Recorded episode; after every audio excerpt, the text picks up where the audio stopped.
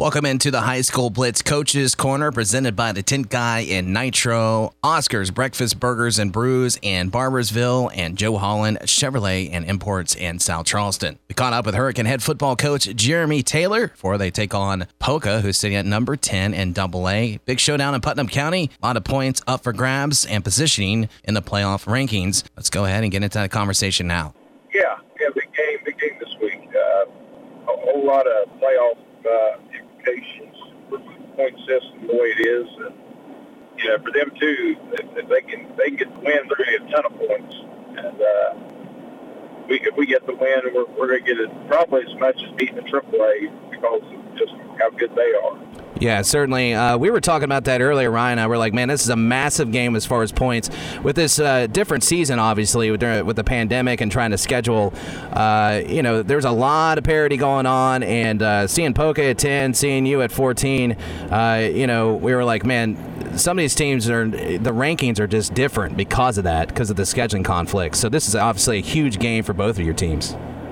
It is. Um, it's a shame we have to play because there are teams that uh, that could be playing us that have uh, chosen not to for uh, you know one reason or the other. Um, uh, you know, so there's some teams above both of us that really, you know, you ask, I'm telling you, they don't deserve to be there. So, but um, you know, we'll get it figured out. It'll all it, it, it'll all wash out in the end.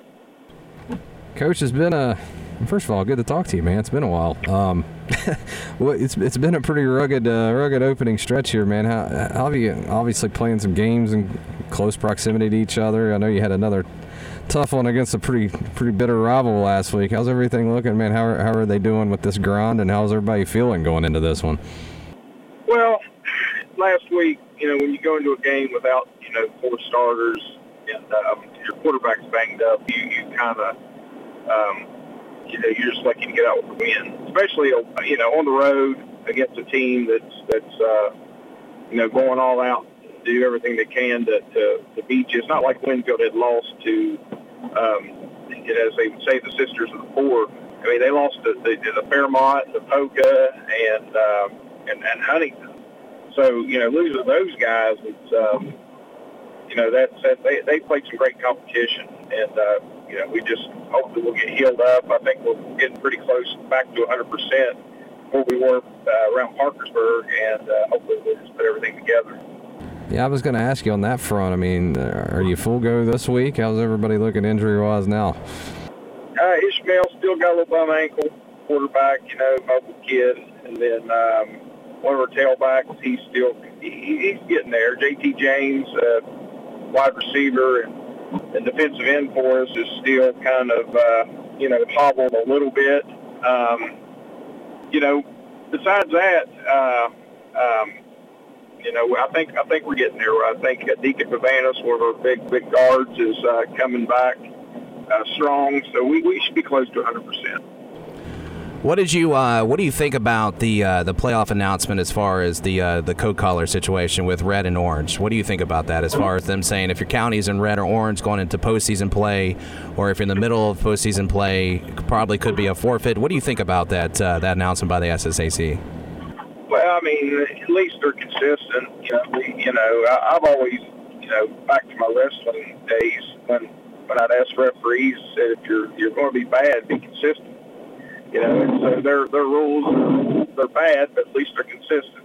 So we follow them. You know, it just it's the way it is. You know, I, I hate it, but you know they they I think ever ever since they came out with gold, um, they've stuck with it. So I, I'm okay with it. You know, it's it's just the way it is. It, I don't like the map because it only affects schools. I was talking to Donnie Mays about that earlier today and, uh, you know, I don't like it either because it's just, you know, it just affects schools, but, you know, it's the rules we have and it's the rules we have to follow. And, you know, in the end, you know, you got a boss, you, whether you agree with him or not, you, you do it, you do the job or you, or you find a new job. So just the way it is. I mean, I, I, I'm not going to go on. A, I went on a crusade once with uh, let us play stuff, and I think this is the, the best possible outcome we could have could have hoped for.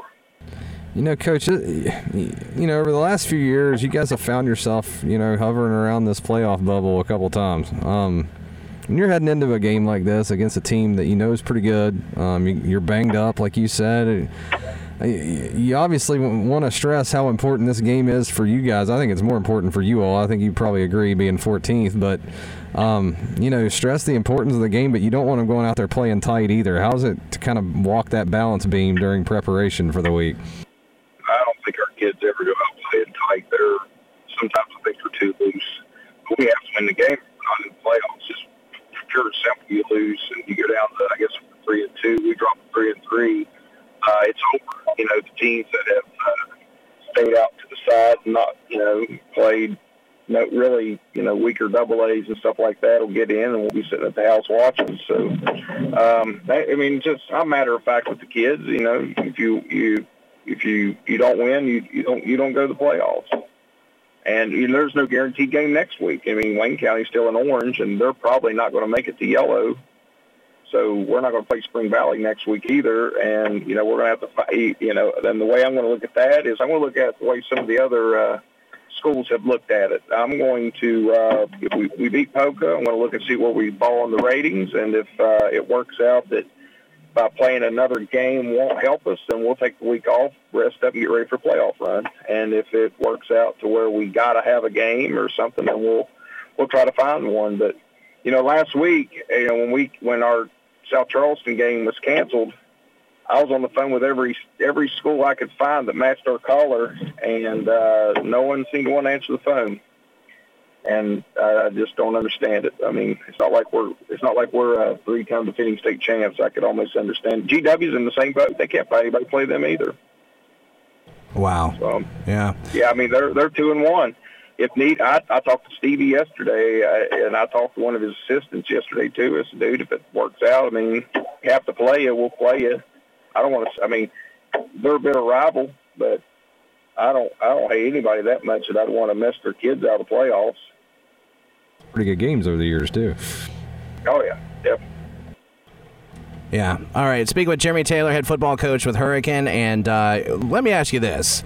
Um, you know, we talked about the point system as far as how the rankings play out in playoffs. Is there any possibility that we could do voting on these things? Is there any possibility? Uh, it would be too biased, right, from each each area. Yeah, I mean, you you can't look. I mean, you know, I, I can tell you that writer is not going to know a whole heck of a lot about Northfield, and and someone in the Eastern is not going to know a whole heck of a lot about uh, you know Mingo Central. So I think that then becomes a popularity contest, and uh, you know you, you don't want that. Um, the point system we have is good. It's just I think the SSAC needs to start mandating that schools play each other. You know, instead of um, letting people run and hide, at least in your in your classification. You know, the only reason we're playing Poca is because we called four different schools, and all four of them were uh, playing somebody else, and then they're not playing at all now. So there. And then when we had to play Musselman, we we you know we have schools that are bordering our county that would rather drive to the Eastern Panhandle or pay a team to come in and play than play us. And it's just it's just sad. It, it, it's it's sad. This you know everybody. I, I guess everybody. I should have been like that with Musselman. We should have never played Musselman. We should have just after that bruising battle against Cabell Midland, we should have took a week off, got healthy, and then got ready for Winfield or, or whoever, and then we, we'd be three and one right now. And uh, you know, but, but instead, I tried to do the right thing, get our kids as many games we could, and you know, it kind of hurt us. So you're going to have some lesser teams. We have it every year. You normally have one or two. You're looking up there going, Lord, they don't play anybody, and they're getting in the playoffs. But and and uh, a few years ago, uh, they they actually won a game because they played the other team that wasn't playing anybody, and and you know, then they got crushed in the second round. So it just, you know, it's just me, man. It, it just, uh, yeah, it sounds like I'm kind of complaining and whining, and maybe I am, but you know, life's not fair though. You know, it's I tell the kids, you know, you, we're going to play the games we can play, and we're going to get in the playoffs hopefully, and then we'll just we'll throw everything we got to play and see what happens. Yeah, I know, I know nobody wants to mention names. I'm going to step out on a limb here and say a couple of those schools you're talking about may or may not have been former members of the MSAC. And I was kind of, uh, I was asked a question the other day I thought was pretty interesting. They were talking about the possible dissolvement of, of, conferences around the state. And if you look at the MSAC, what it used to be, what 14, 16 teams. I think you're down to nine now. And as these other football programs start to do what you're talking about, get out of the conference, start to weaken the schedule a little, and and become perennial playoff teams all of a sudden, is that something? That you all worry about is the league disbanding. I mean, I know there's no, a core group of teams there. No, because have all been no, good. Capital teams like Capital, um, even GW Point, Cabell Midland, Huntington, Spring Valley, that who would play them. I mean, there's teams in our conference that you didn't have to play them. Do you think they would?